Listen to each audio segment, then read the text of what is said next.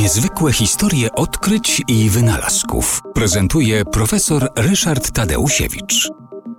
Została wyprodukowana cała seria rakiet i związanych z nimi e, satelitów, e, które miały, e, przelatując nad terytorium Związku Radzieckiego, robić zdjęcia, a potem zrzucać te zdjęcia na Ziemię w postaci specjalnej kapsuły. Te satelity nazywały się odkrywca, Discover. No i zaczęły być eksploatowane w latach 50., a właściwie pod koniec lat 50., 21 stycznia 1950 1949 roku e, miał być wystrzelony e, Discover Zero, e, taki pierwszy szpiegowski satelita, przynajmniej oficjalnie znany jako, jako szpiegowski. Niestety Discover Zero eksplodował w czasie testów przedstartowych, to znaczy nawet nie próbował wystartować, tylko eksplodował w momencie, kiedy go sprawdzano. Notabene zresztą było parę osób poszkodowanych przy tym, no bo on niejako wybuchł w rękach. Discover 1 miał wystartować 28, 28 lutego i był to y, udany start. Po pierwsze, ten satelita jako pierwszy latał w taki sposób, że przelatywał nad biegunem, czyli miał tak zwaną orbitę polarną. Było to związane z faktem, że przypuszczano, że zwłaszcza bazy okrętów podwodnych radzieckich są za kołem podbiegunowym, wobec tego zaczął ten satelita tam szpiegować.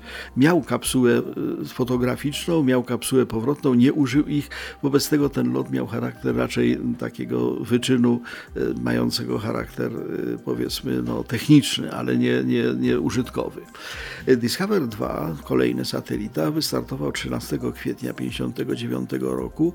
Miał bardzo dobrze zbudowane elementy stabilizacji położenia, no bo chodziło o to, że jak będą zdjęcia szpiegowskie, żeby było wiadomo dokładnie, gdzie te zdjęcia się znajdują i w dniu 14 kwietnia 1959 roku z wysokości orbity zrzucił kapsułę powrotną, e, czyli taki pojemnik, w którym były te filmy, e, były no, zdjęcia.